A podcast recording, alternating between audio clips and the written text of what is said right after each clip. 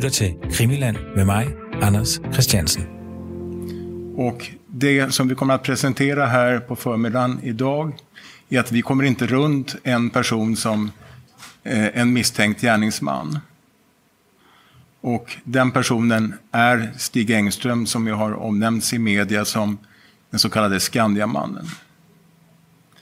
Och eftersom Stig Engström är avliden så kan jag inte väcka åtal mot honom eller vidta några förhör med honom.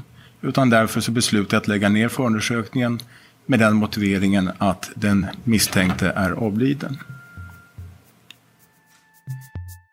Det her det er det første afsnit, der er optaget efter det historiske maveplaskerpressemøde, som blev holdt i Sverige i sidste uge, hvor chefanklager Christer Petersen han udpegede Skandiamanden Stig Engstrøm som det bedste bud på en person, som kunne have myrdet Olof Palme tilbage i 1986. I den udsendelse, der øh, kommer vi ind på det her pressemøde naturligvis. Vi bliver nødt til lige at, at finde ud af, hvad det egentlig var, der skete, og hvorvidt at uh, Stig Engstrøm egentlig ikke har et uh, alibi. Det blev total förvirring. Är det verkligen Olof Palme som är skjuten? Ja. Det är det. Och han är död? Ja, Eller han är inte dödförklarad, men han är inte dödförklarad men det kan man väl nästan säga. okej. Statsminister Olof Palme är död. Han mördades mitt i centrala Stockholm strax efter klockan 11 igår kväll. Olof Palme och hans hustru Lisbeth hade lämnat biografen Grand.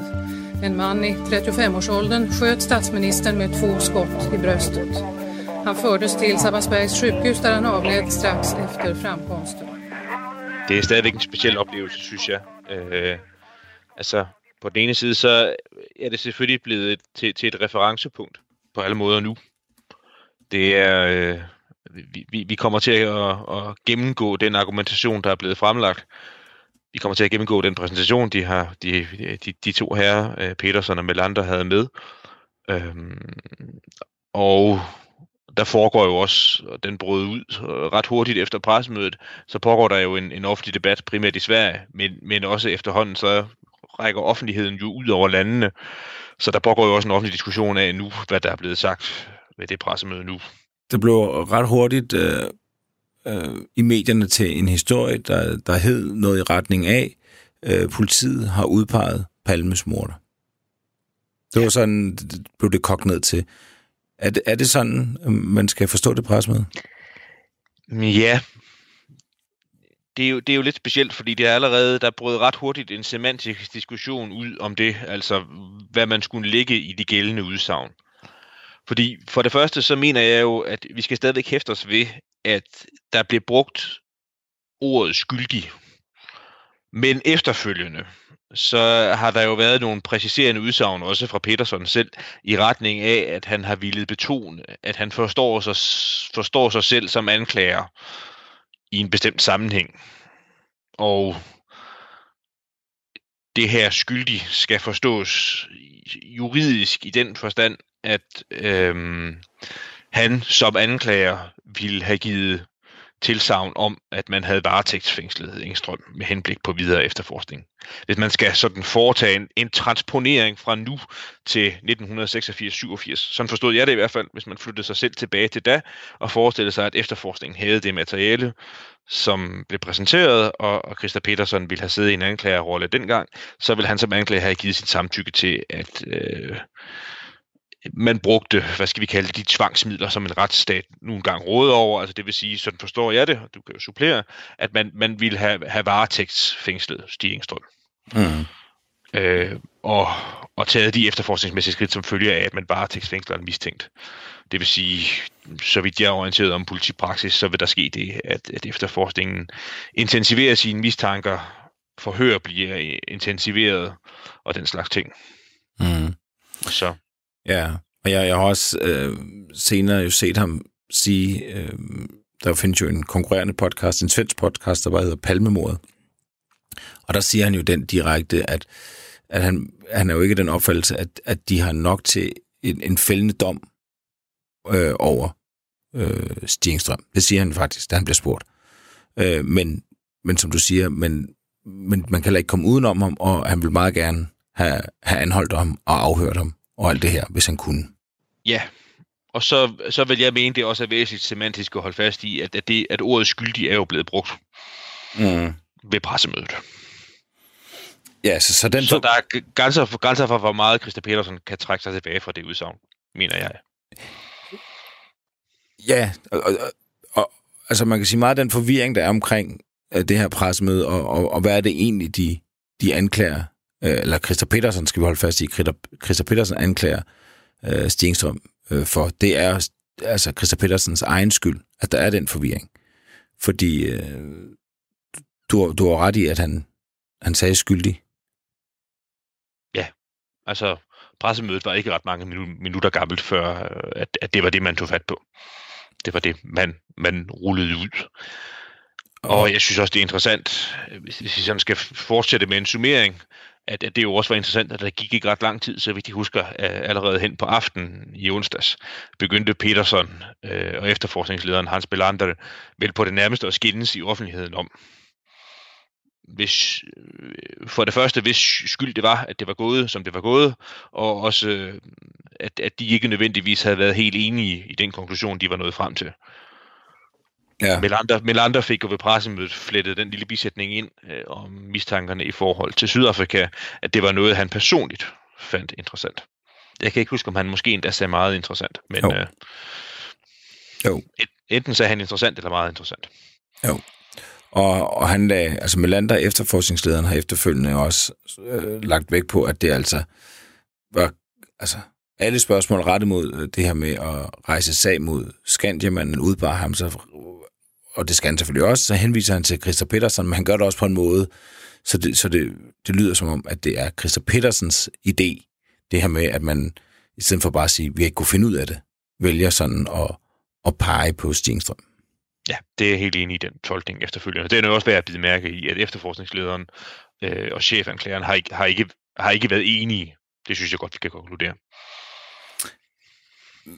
den første reaktion på, øh, på pressemødet, øh, faktisk mens jeg stod på, øh, både fra, fra os to, som, som jo dækkede det, men også øh, hvis man læser sådan førende svenske øh, palme-eksperter. Den, den første reaktion, det var jo skuffelse. Øh, hvis vi bliver ved skuffelsen, hvad, hvad var... Hvor, hvorfor skuffelse? Skuffelsen gik i min tolkning på, og det var vi jo også allerede inde på i vores dækning, at, at de fleste havde ventet, at der ville komme noget nyt frem. Noget nyt i den forstand, øh, at, øh, at der måtte være noget nyt materiale. Der måtte være noget, vi ikke havde set før. En protokol, en sammenfatning, en analyse, vi ikke var blevet præsenteret for før. Det måtte der komme frem ved pressemødet. Og det gjorde der ikke. Mm. Øhm, der kom jo ikke, der kom på det nærmeste ikke engang et dokument frem, vi ikke havde set før. Nej, men gjorde der egentlig det? Ja, det gjorde der ikke. Der kom, der kom jo, jo sammenfatning af, af, af, af forhør øh, frem. Og jeg husker ikke, at vi, vi så et. Øh, altså, det var, de var, de var klippet, der var klippet lidt i dem i protokollerne, og dem, dem havde man ikke set før.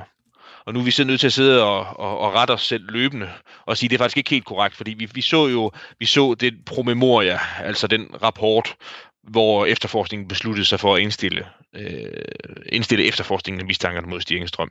Ja. Ja. Den fra februar 1987, den havde ikke, den har, den har ikke været offentligt, før, offentligt kendt før. Nej. Så vi er nødt til at modificere vores udsagn til at sige, at, øh, at, at det kom der frem, eller jeg må modificere mit udsagn og sige, at det kom frem. Men alt det, alt det andet havde været set før. Og det var en skuffelse. Det var jo i bred forstand en skuffelse, fordi alle har vidst, at efterforskningen har siddet på store mængder af dokumentation, som ikke har været offentligt tilgængelig. Og som man ikke har bevilget offentlig adgang til, fordi man har fået henvisning til, at efterforskningen stadigvæk øh, var i gang. Mm.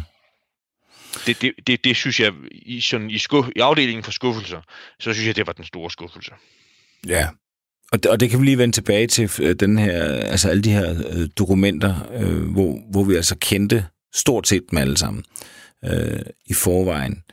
Der var jo også, øh, øh, der har været to historier inden pressemødet. Den ene historie gik på, at øh, de havde fat i morvåbnet, og den anden historie gik på, at man havde taget DNA-prøver fra Skandiamandens slægtninge. Øh, men det førte jo ikke til noget. Nej, våbnet førte i hvert fald slet ikke til noget som helst. Altså, der var jo de prøveskydninger, der var blevet foretaget af en af Engstrøm, Skandiamandens bekendt, som samlede på våben. Åbenbart en af de revolver, man havde tilvejebragt og, og fået undersøgt. Og fået ja, det, jeg hermed udnævner til et, et, et, et indtidsigende svar, et nulsvar, kan man da kalde det. Altså, den sagde hverken det ene eller det andet i forhold til... Øh, i forhold til, om det kunne have været morvåbnet. Altså, det vil bare svare til, igen i min tolkning, at man havde taget øh, formentlig ligegyldigt hvilken revolver af samme type og foretaget en test af den, og så fået et, et tilsvarende svar, at ja, det, det, var, det var et, et, et våben, hvor ammunitionen kunne passe i, men ellers så var der ikke noget andet at sige end det. Ja, de har en skala, der hedder minus 4 til plus 4. Plus 4 betyder, at øh, det er det våben, eller højst sandsynligt er det våben, der er blevet brugt. Minus 4, man kan sige, det er ikke det våben, der er blevet brugt og den scorer så 0, det vil sige, man kan hverken sige til eller fra. Og Hans Melander, efterforskningslederen, fik spørgsmålet, er der andre våben, der har scoret 0?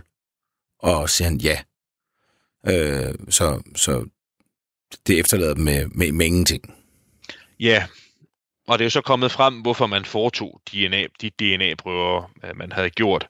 Og det var fordi, man havde tilvejebragt nogle breve, Stig havde sendt hvor man havde begrundet formodning om, at, at fordi der måske ikke var så mange andre, der havde rørt ved dem, eller fordi, det tror jeg, kan jeg godt sådan, når jeg sidder efter din bevægelsen, så forestille mig, at der vil være punkter på et stykke papir, hvor man har skrevet et brev, hvor det kun vil være afsenderen, der vil være i kontakt med, for eksempel i forbindelse med, at man folder brevet, eller lægger det i en konvolut.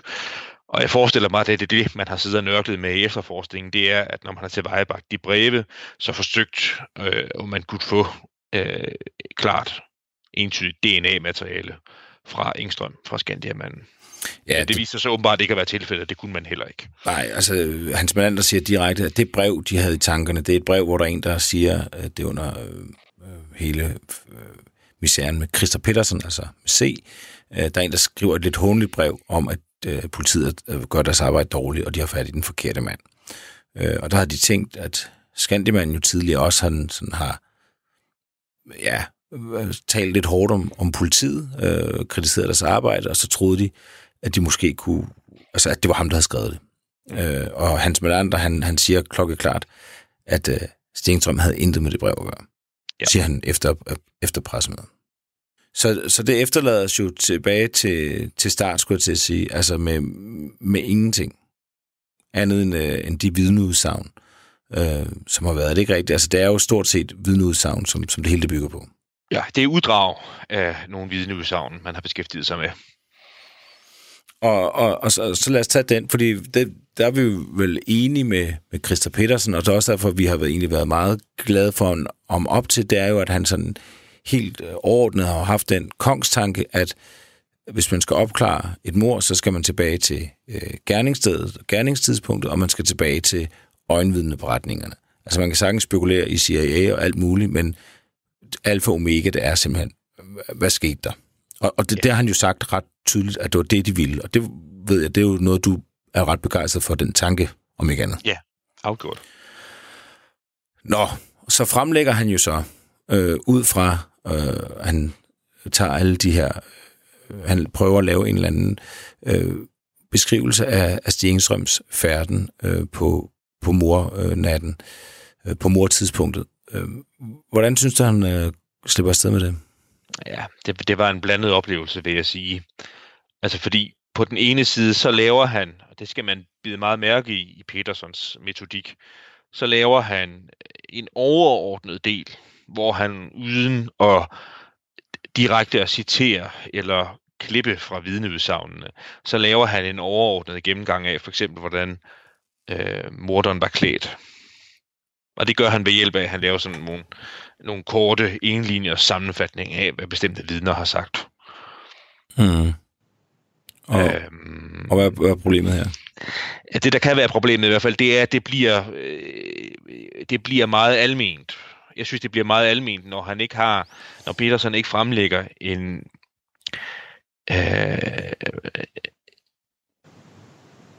en, altså, og man så må sige, går direkte i clinch med vidne, vidneudsagnene, klipper noget ud fra protokollerne til at understøtte, hvad han har sagt. Altså i nogle tilfælde, så, så øh, altså for eksempel, så, så når det gælder hovedbeklædning, og morderen havde bestemt form for hovedbeklædning på, så, øh, så synes jeg, at den måde, Peterson gennemgår vidneudsagnene på, er ikke tilstrækkeligt detaljeret. Altså i nogle tilfælde, så, så svarer han mere eller mindre bare ja eller nej i forhold til, om et vidne har sagt noget bestemt om hovedbeklædning eller ej, uden at tage selve sentensen frem fra vidneprotokollerne, eller overveje dybere, hvad vidnet har sagt om eventuel hovedbeklædning. Mm. Det, det, var, det var for eksempel tilfældet i forhold til, øh, at man ved, at Skandiamanden Stig Engstrøm havde sådan en form for kasket. Det er sådan en, en, en, en, en flad hue med en skygge på. Øh, og det er jo så en tilsvarende, som Stig Engstrøm havde på på moraftenen. Mm. Øh, hvorimod der så er nogle af vidnerne, der er mere specifikke i forhold til, de taler ikke bare om hovedbeklædning. De taler om en bestemt form for hovedbeklædning. Ja, Øh, øhm, jeg ved, at uh, Inge M., han, øh, altså det er vidne, der, der er interessant. Øh, vi nævner ham tit, det er ham, der ser også øh, morderen inden mordet. Øhm, han snakker om en, øh, en møssa, øh, Ja. i stil med den, som... Han refererer faktisk direkte til Jack Nicholson i Gøreden. Ja. Øh, og det er sådan en, en, en strikhue. Ja, det, det er lidt det, der er problematisk i forhold til Petersons gennemgang. Det er, at, øh, at der, hvor øh, nogle af gerningsstedsvidnerne øh, taler om en hovedbeklædning, men taler om en anden form for hovedbeklædning, som morderen havde på, så, så, så siger han bare ja eller nej, havde jeg snart sagt. Så, skriver han om, så siger han om det pågældende vidne, ja, vedkommende sagde, at morderen havde hovedbeklædning på. Men når man så går til kilderne og ser den specifikke hovedbeklædning, der bliver beskrevet, så var det en anden end den Skandiamanden Stig Engstrøm havde på. Ja. Og det, det er ikke kun Inge M., der, der omtales som en strikhue. Nej, det er et, et andet vidne, Anders B., det er vidne, der går bag øh, ægteparet Palme og er meget, meget tæt på, øh, sagde også, at morderen havde hovedbeklædning på. Men det var også en, en, en strikhue, og Anders B. lavede selvfølgelig en, en tegning af, hvordan den så ud, og sagde, at han var meget, meget sikker lige præcis på det punkt, at morderen havde sådan en på. Mm. Og det er en anden øh, hue, han både beskriver og tegner, end den øh, kasket, Skandiamanden Stig Engstrøm havde på. Øh, du har fuldstændig ret. Jeg sidder og kigger på, på tegningen her, og det er unægteligt en, øh, en strikhue, som, øh, som Anders P. Han har, har tegnet. Han er ikke verdens største tegner, men øh, man kan godt se, at det er en strikhue, han har, han har prøvet at tegne. Og, og Anders B. er jo...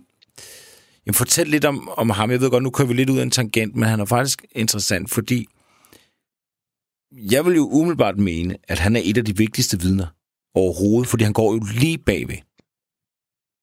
Ja, for det første så går han lige bagved og ser mordet ske. Han er 5-10 meter fra mordet, da det sker. Og noget andet, der også er interessant i forhold til Anders B., det er, at han har jo i minutterne op til mordet befundet sig lige uden for Skandiabygningen. Mm. Anders B. har øh, været til kom sammen sammen med nogle kolleger, og øh, der hen på aftenen ved 11-tiden er der nogle af dem, der mangler kontanter. Så de skal i en hæveautomat, en bank, der ligger ved indgangen til Skandia-bygningen. Og Anders B. Øh, skal ikke hæve penge, så han går og venter på, at, øh, at kammeraterne øh, skal blive færdige med at hæve penge. Og da de så er færdige med det, så beslutter han sig for, at, øh, at han synes egentlig, at aften har været lang nok for hans vedkommende, så han vil til at gå hjem af. Mm. Og det, der selvfølgelig er interessant, det er, at han går rundt øh, lige præcis der, hvor øh, Skandiamanden Stig Engstrøm skal have gået ud af døren og gået hen og stået i position, hvis han vel at mærke var morderen. Og Anders B. Øh, ser ikke Skandiamanden Stig Engstrøm komme gående. Nej. Og noget andet, der nok også ville være sket, det var, at han ville jo formentlig kunne have genkendt ham. Altså hvis det var en person, han havde set flygtigt, ganske kort tid før mordet, ville han jo formentlig have genkendt ham. Altså det vil sige, at han lavede sådan en logisk slutning fra en mand, han lige havde set bevæge sig uden for, for, for Skandia-bygningen, og så det er den mand, der begår mordet. Ja. Det er jo ikke tilfældet. Nej. Nej. Så, så Anders B. er jo vigtigt vidne, fordi han, som du siger, han burde, hvis teorien om Skandiamanden holder, øh, at Skandiamanden kommer ud lige op til mordet, så burde Anders B. have set ham. Ja, og det er han jo øh, i øvrigt ikke, formentlig ikke det vidne, eneste vidne, der burde have gjort. Lidt mere usikkert er jo vidne Nikola F., som vi også har talt om et par gange, som kommer gående den modsatte vej af den vej, ægteparet Palme bevæger sig. Øh, og han passerer øh, det, der senere bliver gerningsstedet, der går langs med hele Skandia-bygningen i minutterne, sådan 23, øh, 18, 19, 20, går han den strækning. Mm. Også uden at se øh, Skandiamanden Stig Engstrøm komme gående. Hvorimod han jo interessant nok ser øh, Anders B. gå uden for Skandia-bygningen. Bag ægteparet Palme i øvrigt. Ja. Altså det vil sige, at han ser både ægteparet, og han ser det i den anden sammenhæng vigtige vidne Anders B. Øh, og ingen andre, og går så videre øh, og hører så skuden, og så kommer der alt det, alt det, der så i øvrigt er interessant ved Nikolaj F., som vi har gennemgået i tidligere afsnit. Men han ser ikke Skandiamand Stig Engstrøm Mm. komme gående heller. Og, og, og det her, det, det nævner vi jo, fordi at øh, når Christa Petersen, altså chefanklageren i, til pressemødet, fremlægger de her øh, vidner, øh, øh, som, som skal på en eller anden måde sandsynliggøre, at det er Skandiamanden, der er morderen, så de her to vidner nævner han jo faktisk ikke. Anders B. bliver nævnt i en, en kort kommentar, men ellers bliver de jo, deres vidneudsagn bliver jo ikke overhovedet taget op. Nej, al, al, altså vidneudsagnene, der har med, med minutterne før mordet, øh, bliver ikke øh, taget op overhovedet, bliver over, ikke taget op overhovedet af Petersen. Jeg kan tillægge Inge M's udsagn, som jo også be, sådan pegede i retning af, at morderen stod og ventede. I hvert fald mindst halvandet minut, snarere to minutter og en lille smule mere, stod og vente. Det vil sige, at, at morderen står på sin plads, i hvert fald allerede 23.20, formentlig også 23.19. Øhm, så det er jo så endnu et, et vidne til forløbet før mordet, som, øh, ja, hvis vi skal tage det store ord i munden, så øh, umuliggør Skandiaman Stig Engstrøm som morder. Og så, så tror jeg, at vi sådan er metodisk tilbage til, til så ubluser, jeg citerer mig selv, fra da vi øh, beskæftigede os med pressemødet, sagde, at, at det, det drejede sig om for Hans Melander og Christa Petersen, var ikke at, øh, at bevise noget, men at overbevise nogen om, at det var rigtigt, det de stod og sagde. Og der er så ikke så meget, der tyder på, at det lykkes så godt for nogle af dem.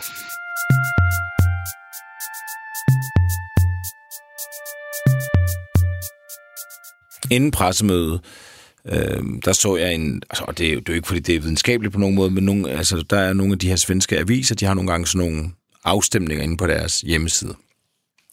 Og inden pressemødet, der var Skandiman jo, jo læsernes øh, favorit øh, til at blive udpeget til morderen. Men efter pressemødet har jeg set en inde på, på Aftenbladet, hvor at det faktisk kun er 20 procent. Det er det, altså faldet drastisk til, at der er kun 20 procent, der er overbevist om, at Skandia manden er morderen. Øh, det bare siger lidt om, hvor, hvor lidt overbevisende øh, Christa Petersens fremlæggelse var øh, til pressemødet. Det vidner jo noget om, at, at, øh, at, at vi trods alt har en offentlighed, der øh, evner at følge med og forstå øh, logiske resonemanger og ting, der taler for og imod. De har formentlig nok øh, været motiveret af samme forventning, som flere der havde, at, øh, at der ville formentlig komme noget nyt. Der måtte være en grund til al den her offentlige interesse om Skandiamanden Stig Engstrøm. Hmm. Der måtte komme nogle dokumenter fra efterforskningen, som kunne bestyrke, at det var rigtigt at beskæftige sig mere med ham. Og der blev det, jeg hermed kalder det store vi, jo så skuffet. Ja, og, og, så, og så er der en, en, en sidste ting øh, i, i forhold til fremlæggelsen, øh, som, som har været min personlige kæphest. Øh, og, og det er faktisk noget, jeg synes, der er, der er bekymrende. Og det er jo, at man må gå ud fra noget af det vigtigste, når man skal, skal opklare sådan et øh, mor. øh, og måske også fremlægge, øh, hvordan det er gået for sig, så er det jo at lave en eller anden tidslinje. Ja.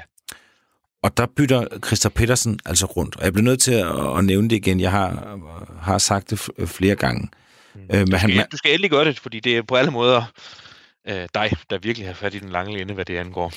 Ja, og, og det er simpelthen bare øh, rækkefølgen øh, fra øh, Skandimanden, når han tjekker ud. Og det, det er vigtigt der, øh, selvom det selvfølgelig er nogle små detaljer, vi er nede i nu. Men altså, Christa Petersen siger, at øh, Skandimanden forlader sit kontor, går ned i receptionen, tjekker ud 23.19 og går ud på vejen. Og, og der bytter han altså om, fordi øh, vi ved fra, øh, fra en mand, der sad i receptionen, en, en sikkerhedsvagt, at man tjekker ud, inden man kommer ned i receptionen. Så tidslinjen er, øh, han forlader sit kontor, tjekker ud, går ned til receptionen, taler et par minutter ifølge den her sikkerhedsvagt, og så går han ud på gaden. Og, og man kan sige, øh, det kunne være, at de ved præsentationen simpelthen bare bytte rundt på de to punkter. Men nu læser jeg et interview, som han øh, giver med, øh, til Gunnar Wahl, øh, den svenske journalist. Gunnar Wahl har en fremragende blog, så hvis man ikke kan få nok af palmemordet, så kan man overveje at besøge den blog en gang imellem, hvor Gunnar Wahl han, han opdaterer. Øh, og han har lige lagt et, et interview ud, han havde med Christer Petersen. Og der giver Christer Petersen altså igen udtryk for, at han ikke ved, han er ikke klar over, at det er den vej, det er gået. Altså, at udtjekningen er inden samtalen med Henry Olofsson. Og det, det synes jeg, at altså, det er da bekymrende for, for, for kvaliteten af det arbejde.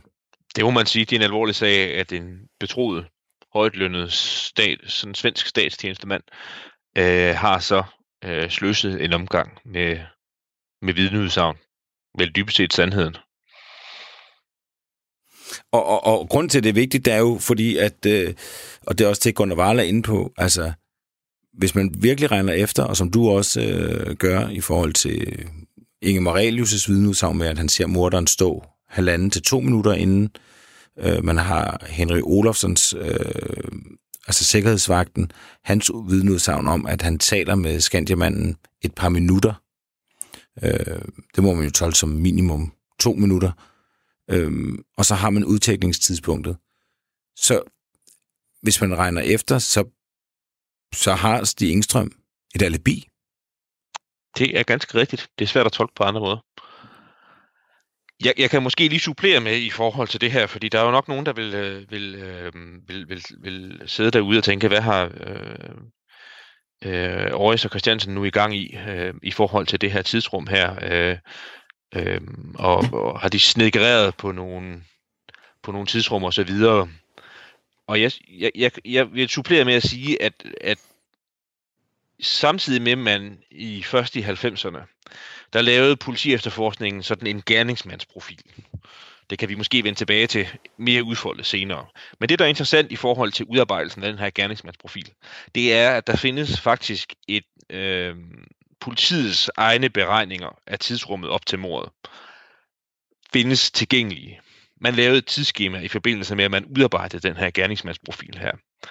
Øhm, og den understøtter altså de spekulationer, vi sidder, eller de sammenfatninger, vi sidder og laver nu, de analyser, vi sidder og laver af tidsskemaet, de bliver understøttet af politiets eget efterforskningsmateriale. Det tidsskema her er offentligt tilgængeligt, kan læses flere steder, blandt andet i en bog, der hedder Cover Up af øh, en mand, vi har talt om flere gange, Svend Arner. Han har fået de dokumenter øh, udleveret og fået lov til at mangfoldiggøre dem. Der kan man sidde og studere det samme tidsskema her.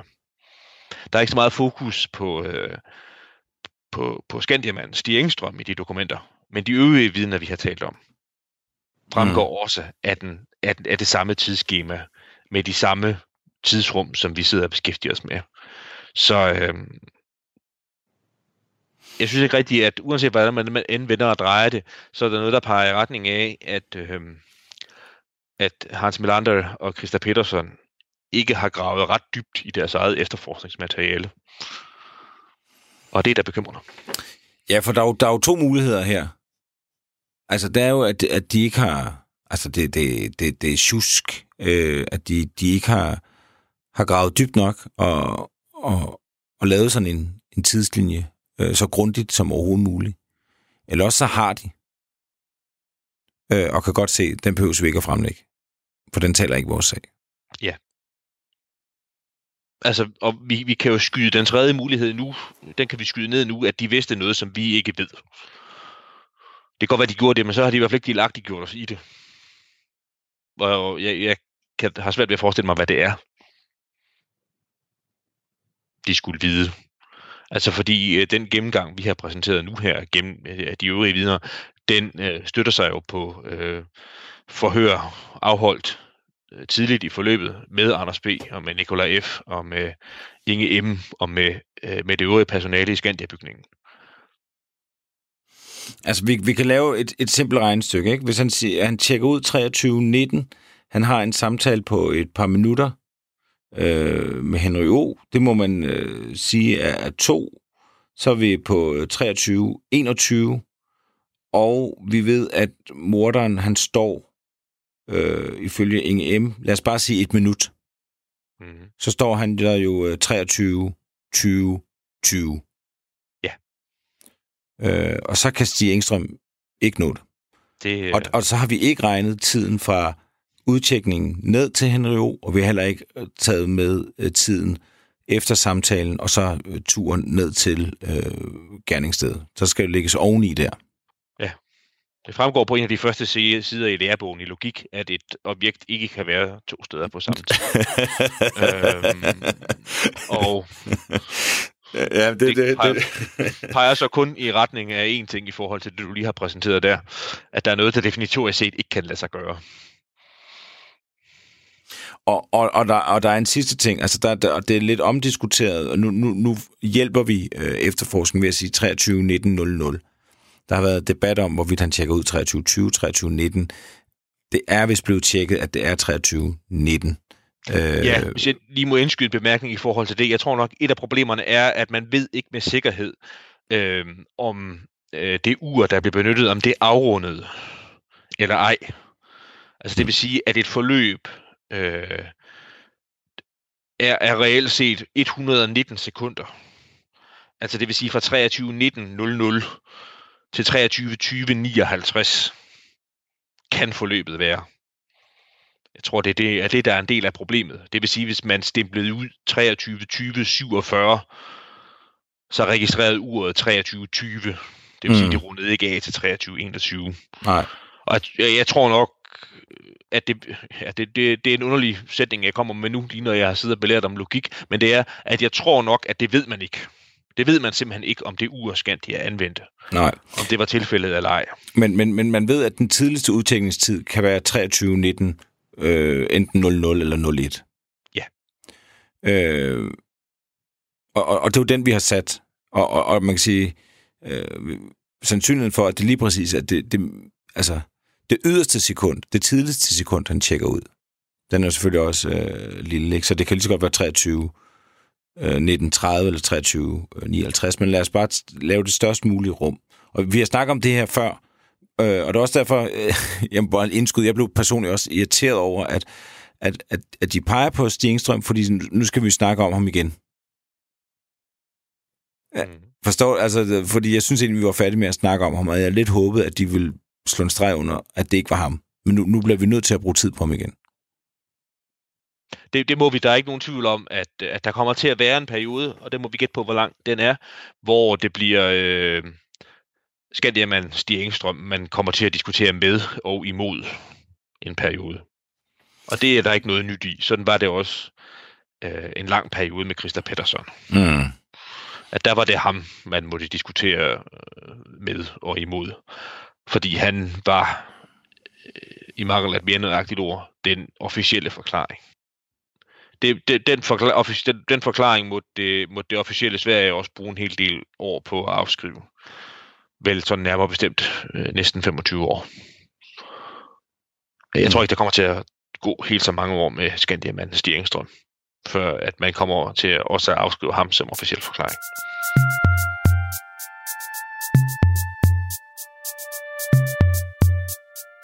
Jeg vil godt stille dig et stort spørgsmål, Anders. Ja, det tager jeg gerne imod. Altså, de er jo ikke, de er jo ikke dumme. Altså, selvom man kan have sin tvivl. Men altså, Melander og, og, og, og Peterson er jo ikke, de er jo ikke lallende idioter.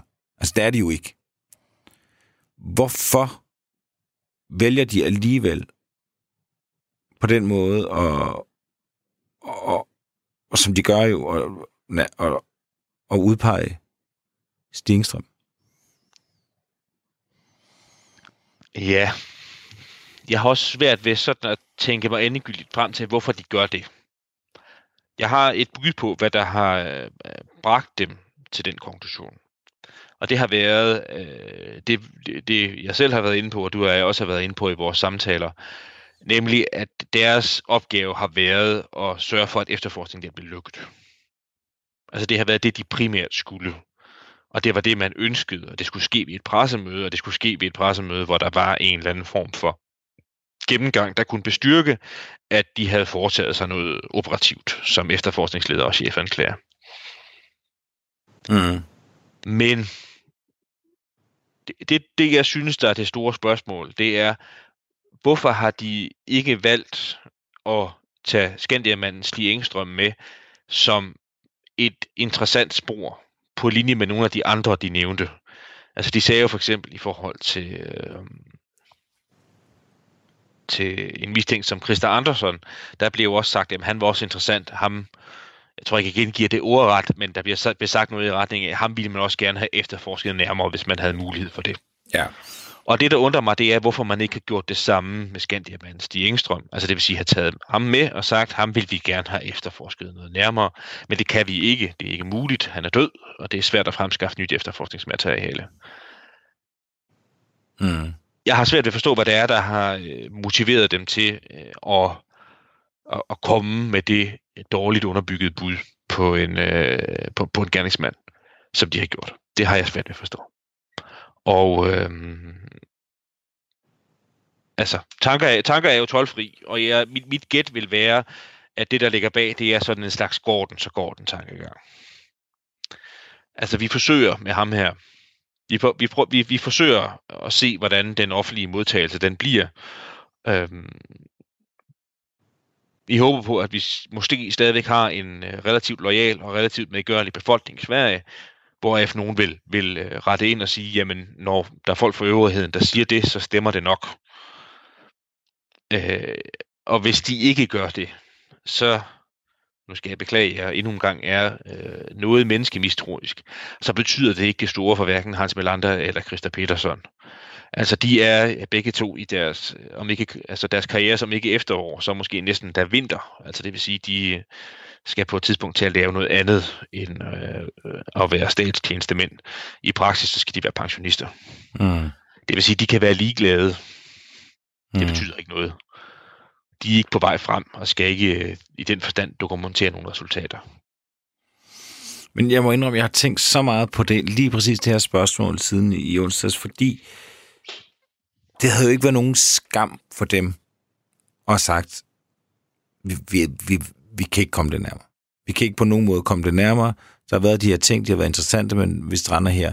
For der har jo ikke været nogen forventninger om, at man 34 år efter øh, vil kunne opklare mod. Den forventning havde jeg i hvert fald ikke. Så, så de kunne, altså så ikke, og, og, og, de, og, og, og man kunne nærmest se, altså nu tolker jeg på, hvordan Christer Petersen han så ud, men man kunne jo se på, at han, ikke, han troede jo ikke selv på det. Når han sidder der, og frem, han ser jo brødbetynget ud, de ser jo lidt øh, småflår ud på en eller anden måde. Altså, de, de ligner jo ikke nogen, nogen, nogen mænd, der kommer med en stor verdensnyhed. Tada, nu skal I se, hvad vi har fundet ud af. Hvad siger I så, venner? Altså nej, jeg synes navn, navnlig Christer Petersen lignede jo i høj grad en mand, der gerne ville være et andet sted. Jeg synes, vi har, vi har begge to læst det referat, der er af Gunnar Walls interview, samtale med ham. Og der noterer Gunnar Walser, synes jeg, sådan, at Wall er utrolig dygtig til de her sådan afdæmpede, men alligevel skarpe jagttagelser. Og han noterede sig, at Christa Petersen øh, brugte meget tid på at øh, kigge ned i sin computerskærm, mens han øh, samtalte med mm. Gunnar Wall. Og øh, hvis jeg skal tolke det, Gunnar Wall han skriver, så spekulerede Wall først over, om han gjorde det for at, øh, at hente oplysninger derfra, eller ligesom man kan have behov for at kigge ned i sine notater, eller noget i den dur. Men det med tiden stod mere og mere klart for Gunnar Wall, at grunden til, at Christa Petersen hele tiden kiggede på sin computerskærm, det var for at holde øje med uret. Altså det vil sige, at han glædede sig til, at det tidsrum, der var afsat til interviewet med Val, var overstået. Ja, det, det var således, at de interviews, der var med Christa Petersen med forskellige journalister, øh, ham, de har, han har afsat syv minutter til hver. Ja.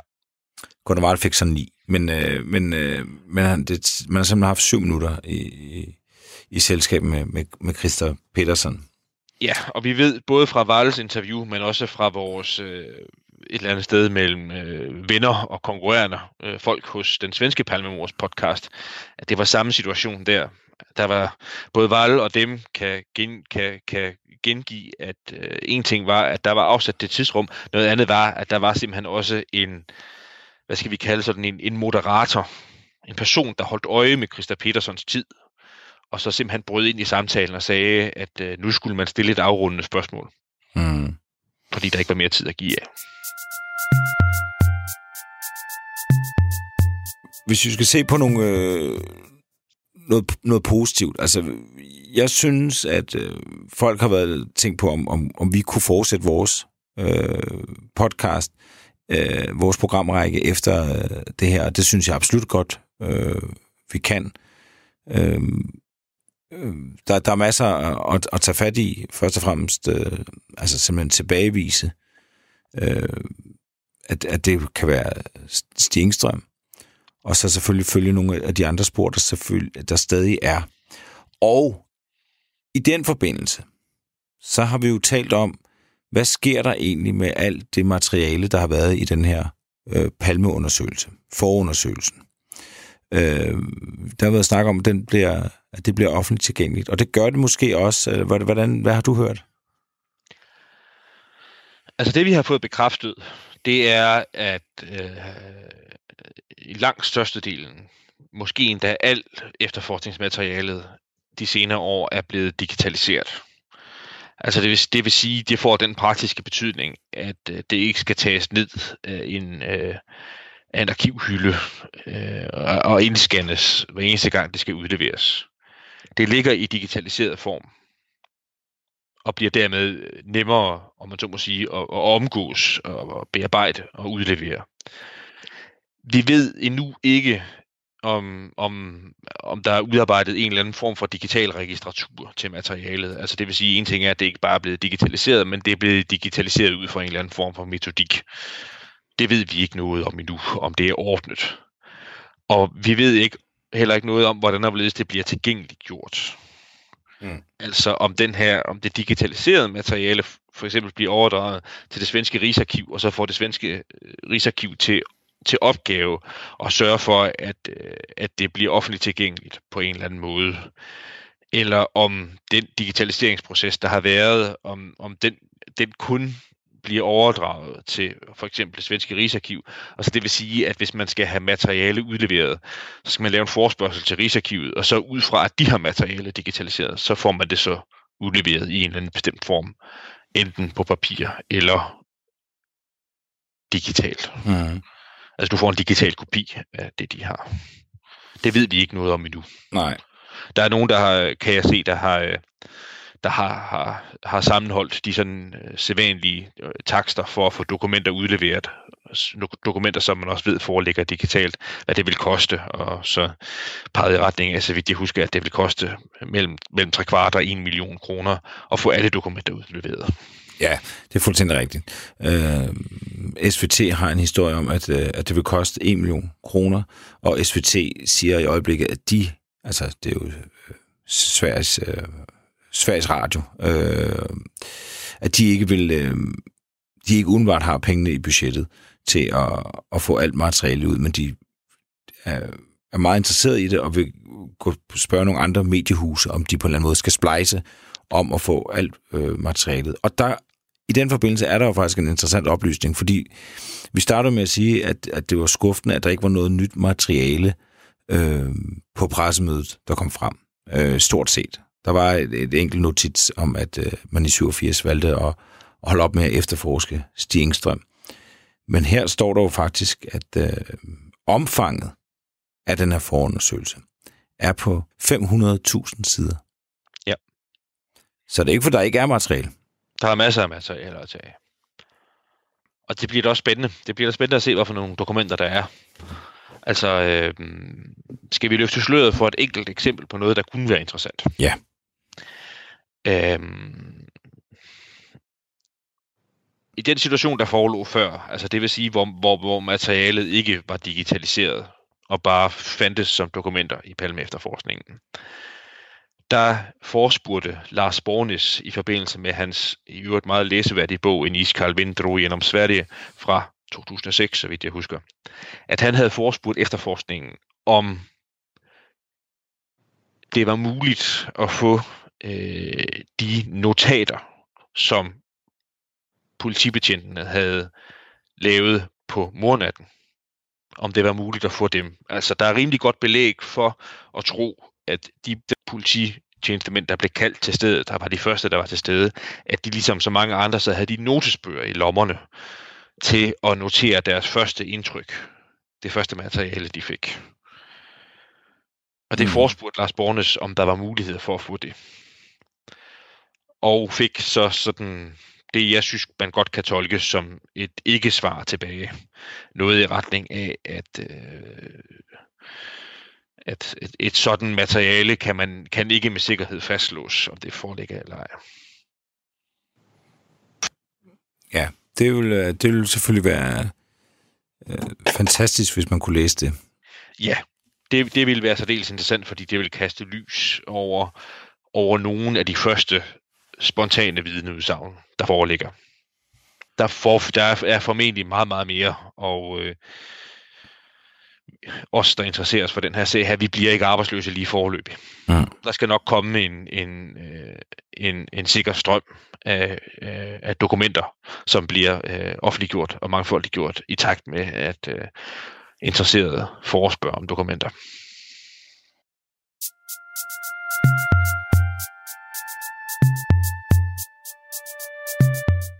Det er jo ikke nogen hemmelighed, at der er rigtig mange herunder, der er, Anders, der, der, der er den overbevisning om, at der altså har været mere end en til at planlægge øh, det her mor på Olof Palme.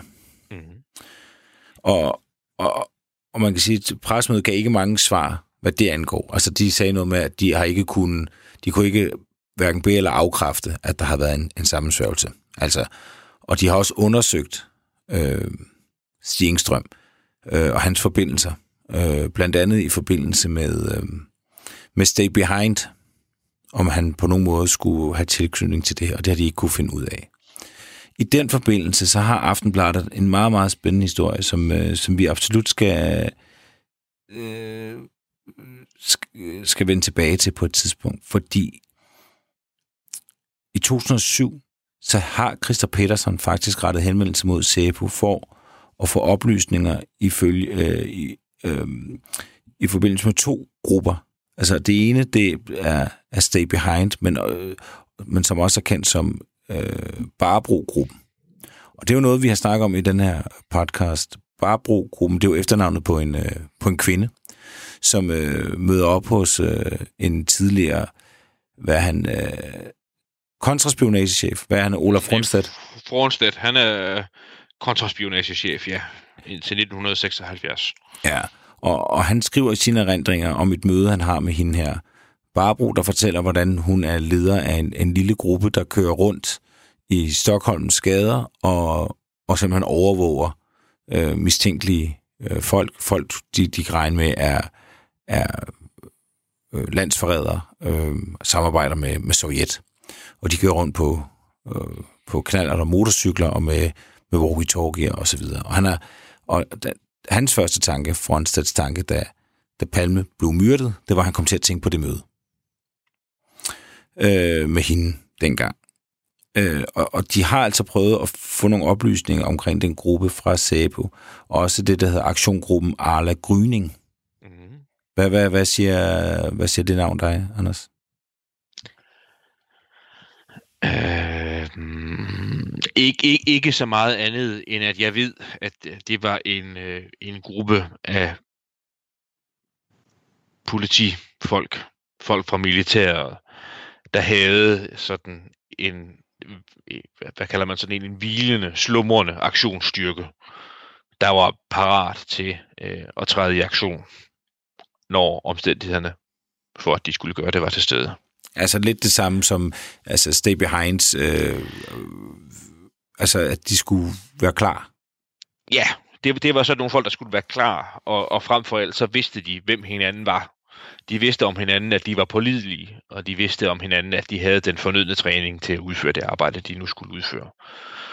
Ja, og, og Christa Pedersen han har simpelthen spurgt Sabu, om han kunne få en, en detaljeret liste over de her medlemmer i de her grupper, deres øh, arbejdsområder, der, hvilke lokaler de har, hvilke våben de har, hvad deres, det man kalder ordre- og befalingsstrukturen har været, øh, samt øh, om de kendte til nogle aktiviteter, som, øh, som de her grupperinger har været øh, en del af øh, på, mor, på mordagen og mornatten den 28. februar 86. Og det er jo, det er jo meget interessant.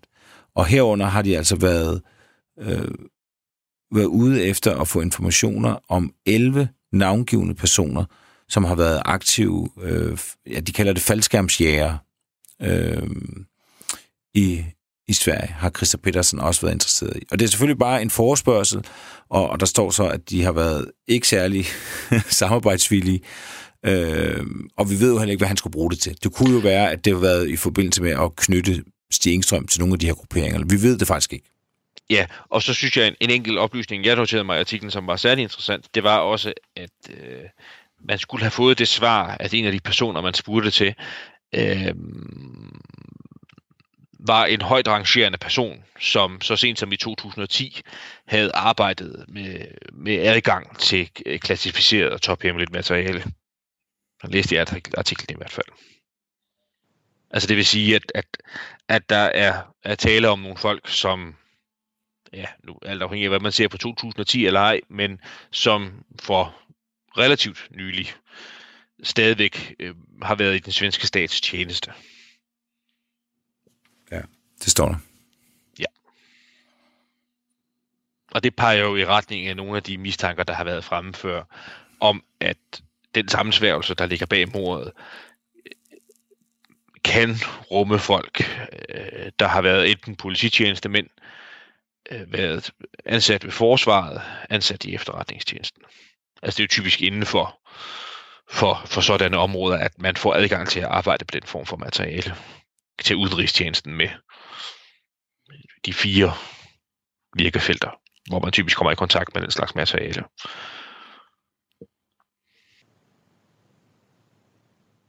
Men de har altså ikke fået noget svar. Nej. Og, og jeg tror også, nu gætter vi lidt til afrunding her, men det skal, jo også til, skal man også tillade sig at gøre, det er, at øh, det er jo nok også en eller anden form for øh, afværgetaktik, der har været forberedt. Øh, måske endda af Melander og Peterson personligt, eller i hvert fald af nogle af de medarbejdere, de har haft. Måske har man været vidne om, at den forklaring, de har præsenteret, ikke vil blive modtaget så godt. Mm. Så derfor så har man også forberedt materiale til pressen om, at øh, man også har beskæftiget sig med andet. Og herunder, at det, man har beskæftiget sig med, har været svært at efterforske til bunds. På grund af det, jeg her med nu kalder byråkratisk træhed. Og så står vi jo igen der, hvor vi har stået før, at der er noget, der tyder på, at øh, efterforskningen selv her 34 år efter, ja, der er simpelthen døre, de ikke har kunnet få op. Der er arkiver, de ikke har kunnet få åbnet. Der er arkivskabe, hvis skuffer, de ikke har kunnet få lov at trække ud. Og øh, det er jo sådan noget, det kan, vi ikke, det kan vi ikke vide med sikkerhed, hvorfor det er sådan. Men, men set, har jeg snart sagt, fra den anden side, så, så kan, kan man vel ikke blive overrasket over, at der er nogen af os, der beskæftiger os med mor, der synes, det er underligt. Mm. Hvad er det for nogle årsager, der ligger bag, at selv den officielle efterforskning ikke kan få adgang til bestemte former for materiale? Programmet er produceret af Wingman Media for Radio 4.